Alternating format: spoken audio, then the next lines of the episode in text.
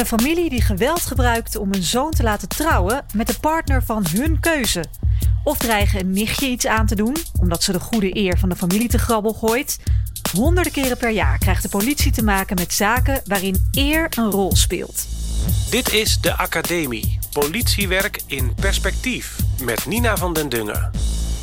In deze podcastserie praat ik met politiemensen uit de praktijk en wetenschappers van de Politieacademie. Het is aan de politie om ervoor te zorgen dat slachtoffers van eergerelateerd geweld veilig zijn. En om samen met hulpverleners te bemiddelen zodat het geweld stopt. Of beter nog, dat het helemaal niet plaatsvindt. In deze aflevering hoor je hoe de politie dit aanpakt en hoe de politieacademie die aanpak met onderzoek ondersteunt. Ik praat erover met Janine Jansen, lector veiligheid in afhankelijkheidsrelaties aan de politieacademie. Willem Timmer, commissaris van politie en hoofd landelijk expertisecentrum eergerelateerd geweld.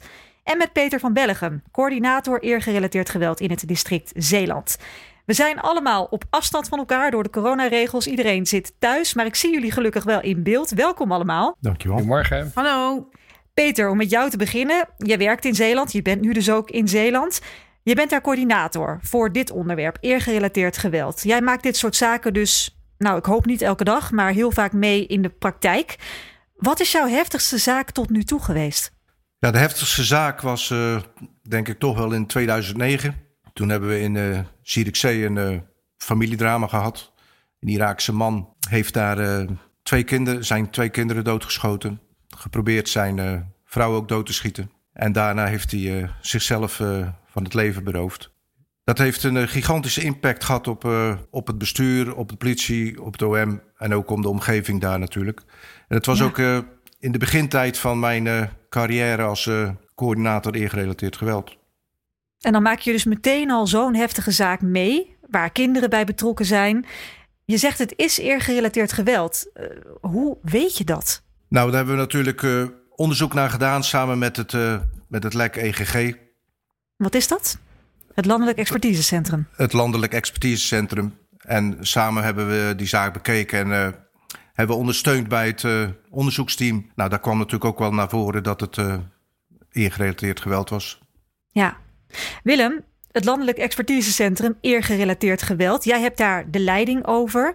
Hoe vaak komt eergerelateerd geweld in Nederland voor? Niet alles komt bij de politie, maar wat wij als landelijk centrum het afgelopen jaar eh, hebben binnengekregen, voorgelegd gekregen, zijn 630 zaken. En dat is dan in één jaar?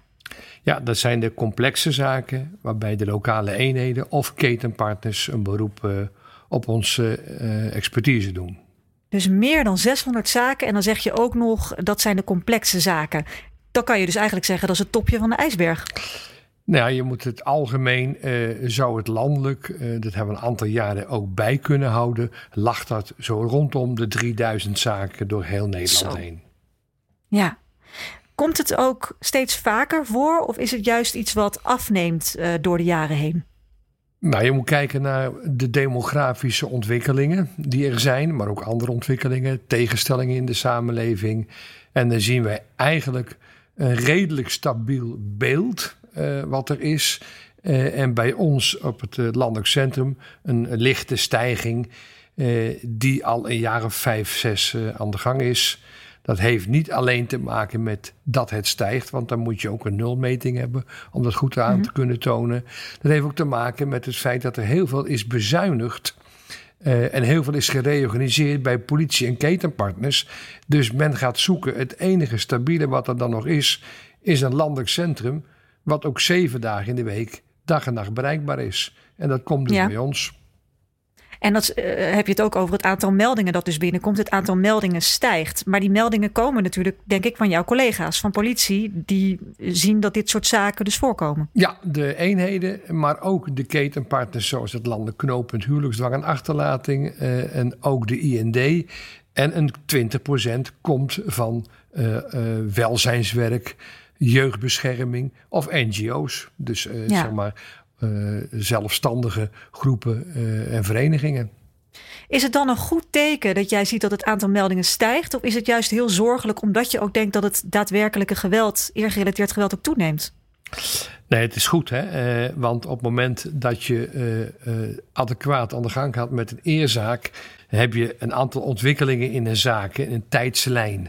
En hoe eerder je op die tijdslijn bekend bent met het probleem, hoe groter de kans is dat je verdere escalatie kan voorkomen.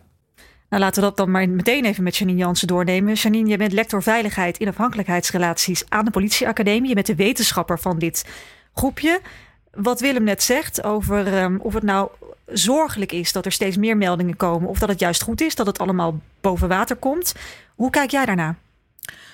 Uh, nou, ik deel de analyse van Willem. En het is eigenlijk, ja, het is goed en slecht. Hè? Ik bedoel, liever heb je dit geweld niet, maar je steekt je hoofd in het zand. Uh, als je niet ziet dat dat gewoon een actueel probleem is in onze samenleving. En uh, waar Willem, ja, verheugd vind ik een groot woord, maar waar wij, waar de mensen daar blij mee zijn als we gewoon merken dat burgers zelf naar de politie komen om aan te geven: jongens, we zitten in de problemen dat zegt ook wel iets van vertrouwen in de politie. En ja. uh, dit zijn vaak ingewikkelde zaken, die lopen lang. Het speelt zich toch af achter de voordeur in de intieme sfeer. Daar loopt niemand graag te koop mee met wat er thuis allemaal niet goed gaat. En ja, als mensen dan toch de moed hebben om naar voren te stappen en te zeggen: jongens, we zitten in de problemen, dan is dat aan zich een gunstig teken. Ja, nou, de vraag aan jou, Janine. Waar herken je het aan? Want uh, ik kan me voorstellen dat heel veel mensen het ook zien als bijvoorbeeld huiselijk geweld. Als er sprake is van mishandeling uh, of, of seksuele uitbuiting. Hoe herken je nou dat het hier om een erezaak gaat? Ik vind dat een hele belangrijke vraag. En ik gaf ook al een voorzetje door het te hebben over problemen achter de voordeur. Mensen denken wel eens, joh, dat is gewoon een vorm van huiselijk geweld, omdat het zich in de intieme sfeer afspeelt.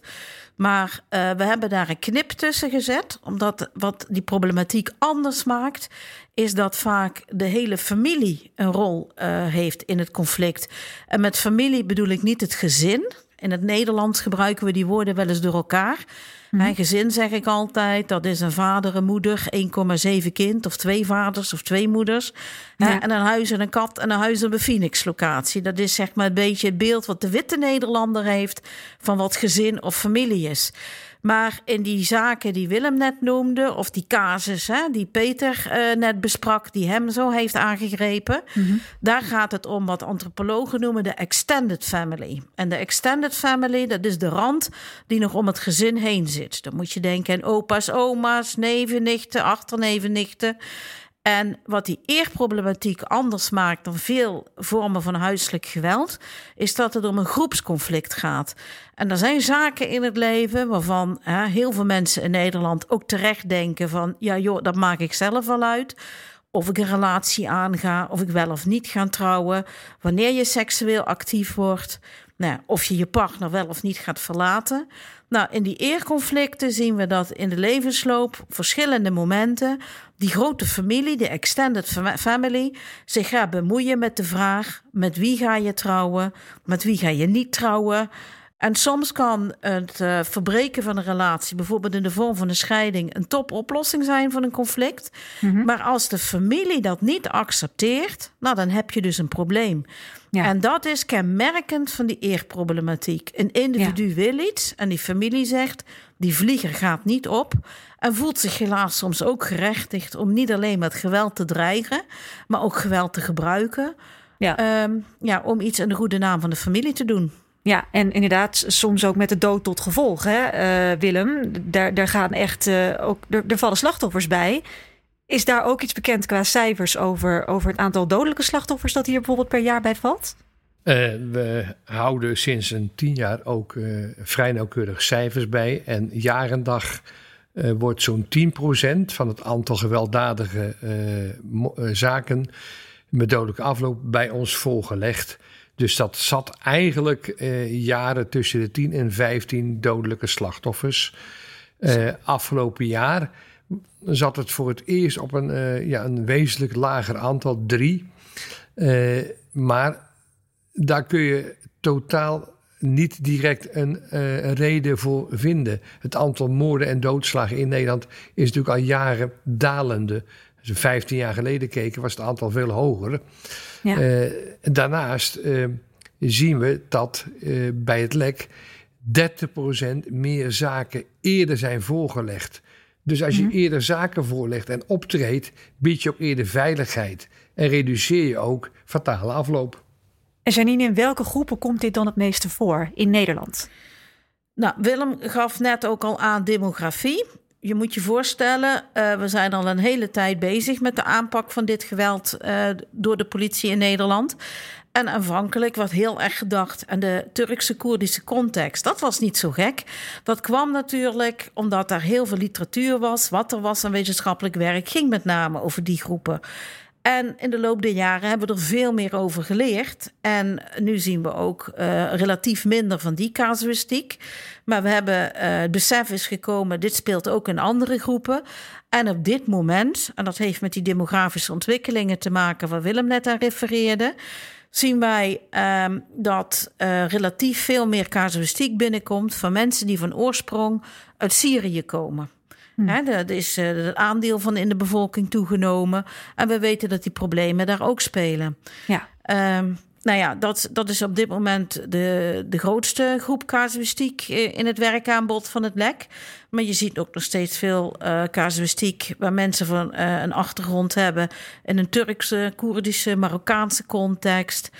Ehm, en we zien ook nog wel eens zaken waar mensen van oorsprong van de Balkan komen, uit Zuid-Amerika. Ehm, heel wisselend. Peter, jij bent coördinator voor het district Zeeland. Ehm, hoe ga je te werk als politie als er een vermoeden is dat het wel eens een erezaak zou kunnen zijn? Nou, als we een casus eh, aangeboden krijgen, dan beoordelen we hem eh, op rode vlaggen. Zo noemen we dat. Dan kijken we wat voor eh, eercomponenten kunnen er in de casus zitten. En dan werken wij bij de politie met taakaccenthouders. Dat zijn eh, collega's die eh, een opleiding hebben gehad en lichte casus eh, zelf behandelen. We werken samen met ketenpartners. We kijken wat daar voor informatie is. En samen met die ketenpartners eh, maken we een plan van aanpak om te kijken, vooral eerst naar de veiligheid, maar ook hoe we kunnen bemiddelen in, de, in die casus. Ja, want dat bemiddelen, hoe werkt dat? Je, komt ergens binnen, er is duidelijk sprake van geweld tegen een lid van de familie. Ehm, wat, wat doe je dan als politie? Hoe ga je met die familie om? Het belangrijkste is eigenlijk dat je kijkt naar de veiligheid van, eh, van de betrokkenen, ook van het slachtoffer. Mhm. En Moet hij meteen uit huis bijvoorbeeld? Of laat je hem in, in huis? nou, dat, is, dat is een onderdeel van de beoordeling. Kijk, op het moment dat de veiligheid is eh, prio 1, dat is het belangrijkste. En op het moment dat wij het niet veilig achten, dan ha- halen we iemand uit huis en dan plaatsen we hem in een eh, veilige opvang. Maar goed, het kan ook zijn dat er eh, een ander familielid even die voor de veiligheid kan zorgen. Ja. En daarna gaan we in gesprek met, eh, met eh, alle partijen, samen met, met onze ketenpartners. Ja, want dat doe je dus ook als politie. Blijf je bij zo'n gesprek betrokken? Dat ligt eraan. Als het, als het een wat lichtere casus is waar niet echt heel veel veiligheid in het geding is, dan laten we het aan de ketenpartners. Dan, dan ondersteunen we wel. Maar goed, op het moment dat er echt een grote dreiging is, dan gaan we er inderdaad zelf eh, ook mede bemiddelen. Ja, en dan voer je als politie met name een stopgesprek. Hè? Dat je de familie vertelt, wij accepteren geweld niet eh, tegen, tegen het slachtoffer. Daar kun je voor de bak in gaan. Hoe werkt dat op die manier? Nou ja, we maken natuurlijk altijd eerst duidelijk dat er geen geweld gepleegd mag worden. Dat zou kunnen dat het inderdaad met een stopgesprek is. Maar je, je probeert altijd een oplossing te vinden die voor alle partijen binnen die familie eh, acceptabel is. Als het mogelijk is. En nou, soms. dat lijkt me ingewikkeld. Bijvoorbeeld als er sprake is van eh, een poging tot uithuwelijken. Waarbij eh, het slachtoffer zegt: Ik wil absoluut niet met, met die persoon trouwen. Hoe ga je daar nou een, een middenweg in vinden? Ja, dat is, dat is dus. Kijk, de, de partijen in die familie moeten daar wel over openstaan. Op het moment dat ze er niet voor openstaan, dan is er maar één oplossing. En dan zal die vrouw eh, inderdaad weg moeten thuis. Dan zal ze naar een opvanglocatie moeten. Willem, jij bent natuurlijk hoofd van het Landelijk Expertisecentrum. Dat lijkt me ook een eh, zaken die jullie ook redelijk veel binnenkrijgen. Uh, poging tot uithuwelijken of misschien zelfs helemaal uithuwelijken. Hoe, hoe gaan jullie daarmee om? Ja, dat, je kan er in de repressie mee omgaan, in de preventie. Uh, maar uh, om net uh, door te gaan op jouw vraag. gestel dat zo'n huwelijk gepland is. De partner die dan over moet komen, heeft doorgaans, in die landen speelt het een machtiging tot voorlopig verblijf nodig. Die kan niet zomaar naar Nederland komen. Om die te kunnen krijgen moet je aan een aantal toelatingsvereisen voldoen. Werk hebben, woonruimte enzovoort. Uh, gestel uh, dat je aan de familie doorgeeft dat als zo'n huwelijk doorgaat, dat men helemaal niet voldoet aan die toelatingsvereisen. Met, met andere woorden, je gaat een hoop overeind halen, maar je kan niet waarmaken dat het huwelijk daadwerkelijk geëffectueerd kan worden.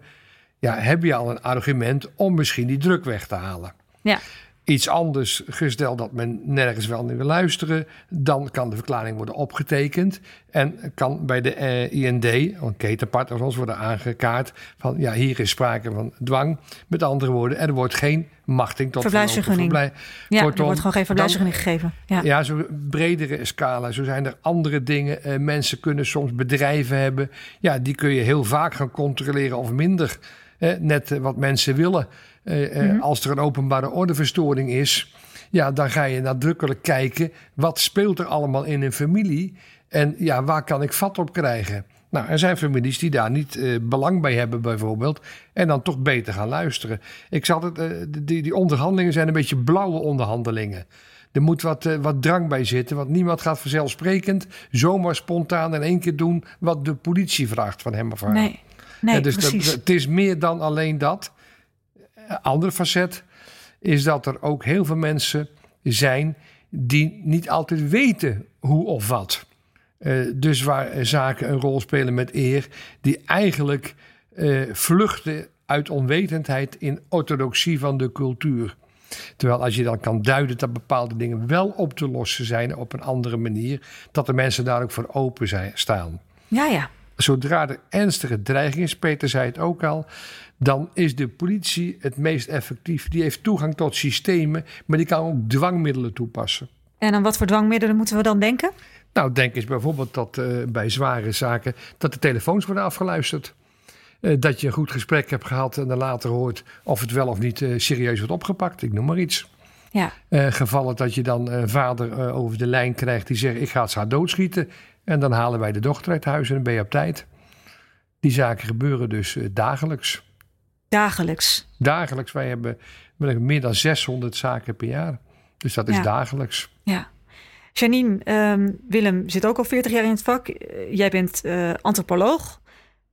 Wij praten hier toch met een clubje van vier witte mensen over problematiek die heel heftig is en die over het algemeen in andere culturen voorkomt. Hoe weet je nou, Janine, wat nou, werkt? Inderdaad, we zitten hier met een klein clubje, maar we werken in een veel groter en ook een veel bonter team. Ik vind de politie die moet uh, een afspiegeling zijn van de samenleving, zodat de burger zich daarin herkent. Maar ik denk niet dat wij per definitie niet dit werk zouden kunnen doen omdat we geen migratieachtergrond hebben. Um, een ander belangrijk punt is dat we ook meerdere malen meemaken, uh, hebben we ook een onderzoek naar gedaan, hè, dat uh, burgers aangeven dat ze het vaak niet prettig vinden om verklaringen uit de intieme sfeer af te leggen dat mensen uit dezelfde groep komen. Omdat ze bang zijn, straks leggen uh, verhalen uit over mijn familie. Oh ja? Hè, dan, uh, ik zit hier met een groot geheim en dat zou de goede naam van mijn familie aan kunnen tasten. En oh jee, als ik dat nu verklaar en uh, ten voorstel van een professional die misschien in hetzelfde sociale netwerk zit, wat dan? En er is voor mij ook een heel principieel punt. We leven in een multiculturele samenleving en we zijn politie voor iedereen. En uh, bij de politieacademie of als ik bij het LEK ben, sta ik ook niet alleen andere vrouwen uit Limburg te woord. Hè? Ik wil mij in de Nederlandse samenleving voor alle burgers inzetten. Peter, even terug naar uh, Zeeland, de Zeeuwse zaken waar jij mee te maken hebt. Je had het over hoe herken je dat dan? Hè? Dat het inderdaad geen huiselijk geweld is, maar dat het hier gaat over een eergerelateerd geweldzaak. Een checklist is er. Wat, wat staat er op zo'n checklist? Waar, kijk je naar? Wat voor vragen stel je? Het grote voordeel van de checklist is dat in de, de zijkant eigenlijk vragen staan. En als je die doorloopt, dan kom je eigenlijk ten eerste tot uh, de kern van het probleem, maar ook kom je met die vragen eigenlijk... Uh, wat, wat doet het met de familie? Wat, wat, wat speelt het in de eer? Ja, en wat voor vragen stel je dan bijvoorbeeld? Nou, bijvoorbeeld uh, hoe het huwelijk tot stand is gekomen... Uh, waar ze vandaan komen, uit welk gebied. Het kan bijvoorbeeld, als je naar Turkije kijkt... behoorlijk uitmaken uit welk gedeelte van Turkije je komt...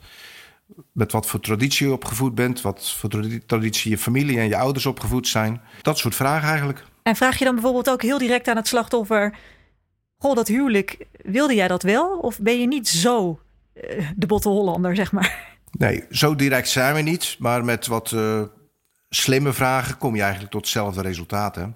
Als je natuurlijk vraagt hoe het huwelijk tot stand is gekomen, laat ze zelf wel blijken of het uh, echt hun wens was of dat het eigenlijk een verplichting was. Ja, ja. En voor je aan die checklist begint, um, dan moet er natuurlijk een collega überhaupt opmerken dat hier wel misschien sprake kan zijn van eergerelateerd geweld. Gebeurt dat vaak genoeg? Nou, we krijgen natuurlijk meldingen van, uh, vanuit de, de ketenpartners, vanuit uh, de collega's. Maar we hebben ook uh, elke dag een query lopen. Een query eergerelateerd geweld. En wat is een query precies? Dat is een elektronische zoeklijst met steekwoorden in ons systeem. Waarbij dan zaken naar voren komen die mogelijk rode vlaggen hebben op eercomponenten. Maar ik kan me ook echt wel voorstellen dat toch veel collega's, eh, bijvoorbeeld agenten dan bij jou, maar misschien ook van de, van de ketenpartners, wel eens denken: ja, ik denk toch dat dit wel huiselijk geweld is.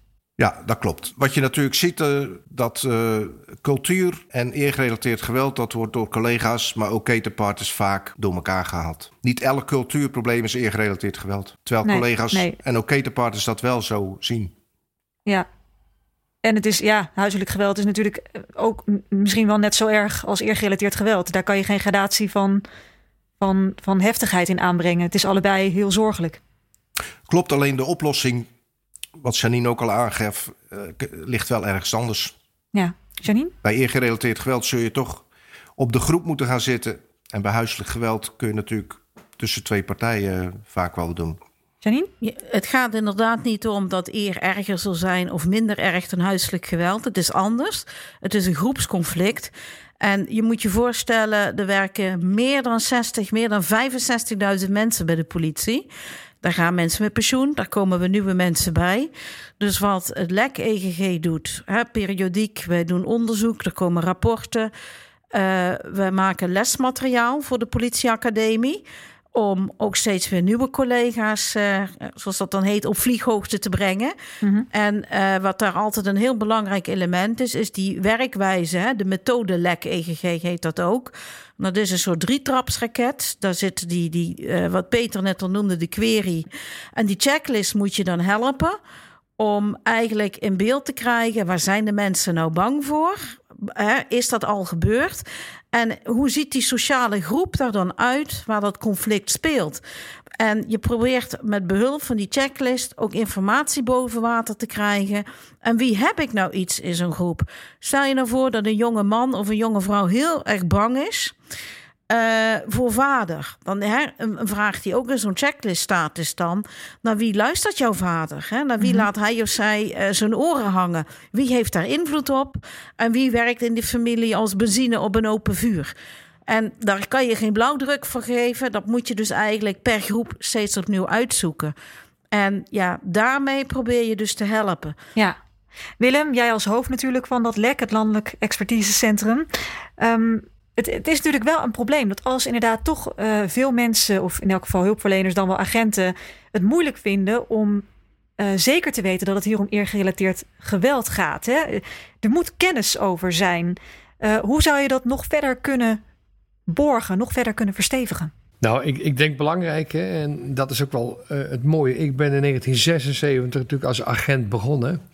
En mijn eerste eerzaak draaide ik in 1979 al. Uh, overigens was er toen ook nog geen divers korps. Dus uh, ja, ik moest het wel als witte man doen, want er was niemand anders uh, om me heen ja. die ergens anders vandaan kwam in die tijd. tenzij ik thuis naar de eigen familie ging kijken, dat is een ander verhaal. ik denk dat de beste manier om het geborgd te houden en het constant onder aan te brengen, is nog steeds bij politiemensen gewoon te blijven doen zeven dagen in de week te bereiken eh, zijn. En ook gewoon ondersteuning te bieden als je een verzoek krijgt. Daar word je op afgerekend. Al de folders, al de dingen eromheen zijn heel belangrijk. Maar intern politie, als je een goed verhaal hebt en een steekhoudende theorie, maar je bent er niet bij op het moment dat die mensen je nodig hebben, stop er dan maar mee.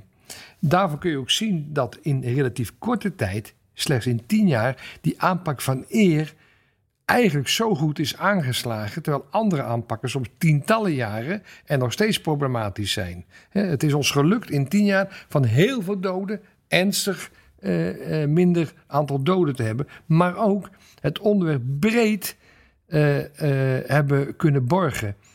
Dat moeten wij blijven doen en ook hopen dat beleidsmakers niet iedere keer sexy stukjes schrijven, maar gewoon is ook in die stukken tot uiting laten komen wat er nodig is voor die politiepraktijk.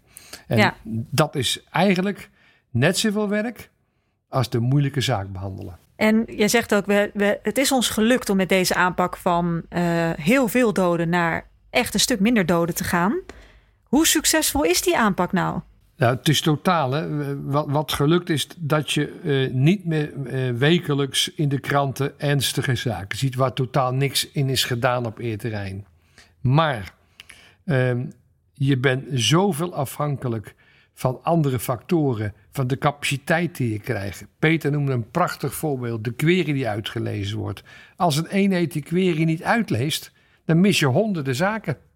Lees mm -hmm. honderden keren dat het mis kan gaan.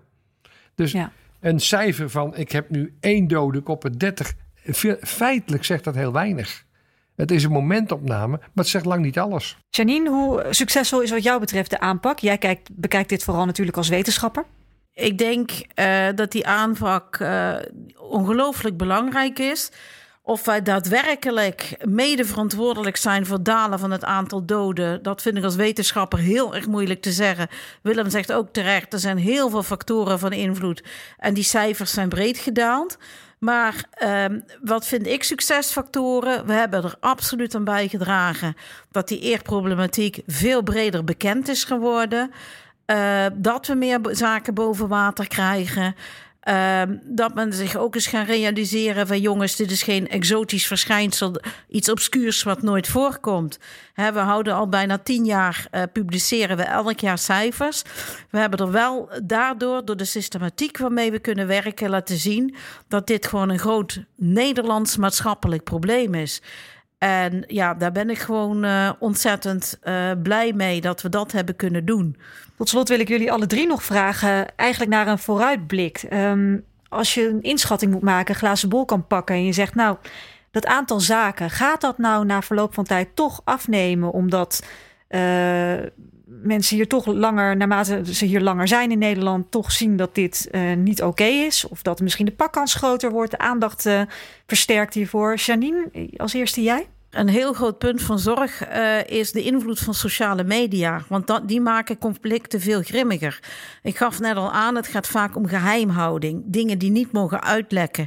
Met één druk op de knop kan je een conflict, hè, dat bijvoorbeeld in Nederland speelt, kan je ook weer terug laten gaan naar het land waar de familie van oorsprong vandaan komt. Hè, uh, we zien ook dat daders slachtoffers ermee chanteren. Als je niet doet wat ik zeg, uh, als je niet gedraagt hè, zoals ik vind dat dat moet dan zetten we iets uh, op Facebook of een ander platform. En dan ziet jouw familie, bijvoorbeeld in Irak of in een ander land, ook wat jij voor slecht iemand bent. Hè, en hoe je de goede naam van de familie bezoedelt. Nou, dat, dat, dat maakt die conflicten intenser, grootschaliger. De wereld is kleiner geworden door sociale media. En dat uh, draagt bij aan conflictgronden. Heel vaak hebben mensen ook meerdere problemen. En we hebben nu de laatste jaren ook gezien dat we meer mensen in het land krijgen. Met nare vluchtgeschiedenissen achter de rug. Mensen die uit oorlogsgebieden komen. Dus er lopen verschillende problemen door elkaar. En dat is iets waar ik me eigenlijk ook op de korte termijn zorgen over maak. Van, hè, van hoe kunnen we die mensen op een adequate manier ondersteunen? Ik hoor inderdaad jou zeggen eh, dat aantal zaken gaat niet minder worden de komende jaren. Peter, ben jij het daarmee eens? Wat, wat zie jij in Zeeland? Ik zou uh, Janine nooit tegen willen spreken, maar ik ben het helemaal met haar eens. Sociale media is voor eerzaken een ramp. Als ik zie hoeveel zaken we nu hebben met, so met sociale media, dat is echt een ramp. Ja, de vluchtverhalen. Mensen zijn toch wel, uh, zijn toch wel een grote groep gekomen die getraumatiseerd is. En ja. dat maakt het ook weer erger en ingewikkelder om vaak op oplossing te komen. Ik denk dat de cijfers uh, de komende jaren alleen maar zullen stijgen. En Willem, vanuit het Landelijk Expertisecentrum? Ja, het zou raar zijn als ik anders zou reageren, want uh, aantoonbaar stijgen onze cijfers al vier jaar. met mijn glazen bol, en het is misschien een open deur, zou ik zeggen, als de tegenstellingen in de wereld niet veranderen. En we gaan wezenlijk niet anders in de toekomst met elkaar om op de aarde. En dat is geen apostolisch gepraat, zo bedoel ik het zeker niet. Dan krijgen we dit nooit uh, getackeld, dit probleem. Ook andere problemen niet. Uh, de, de, de instroom van vluchtelingen uh, met allerlei ervaringen met geweld en dergelijke. ja, maakt dat je constant dus ja, nieuwe zaken gaat krijgen, nieuwe ontwikkelingen. En dat baart mij zorgen, want ik zie het steeds maar ieder voor zich. We zetten een hek om Europa heen en dan is het klaar. Het is niet goed. Ik denk dat we menselijk gezien en dat meen ik op, uh, ook persoonlijk, dat we met de aarde, met elkaar niet goed bezig zijn. Dit is slechts een klein deel daarvan. Uh, dat is mijn grootste zorg. Veel dank voor uh, dit gesprek, voor jullie expertise, voor jullie analyse hier. Willem Timmer, commissaris van de politie, hoofd Landelijk Expertisecentrum Eergerelateerd Geweld. Janine Jansen, lector Veiligheid in Afhankelijkheidsrelaties aan de Politieacademie. En natuurlijk ook Peter van Bellegem, coördinator Eergerelateerd Geweld in het district Zeeland. Veel dank. Ik ben Nina van den Dungen. In de show notes zet ik nog een linkje naar het Landelijk Expertisecentrum Eergerelateerd Geweld. Volg de Politieacademie op sociale media en abonneer je op dit kanaal om niks van deze podcast, De Academie, te missen.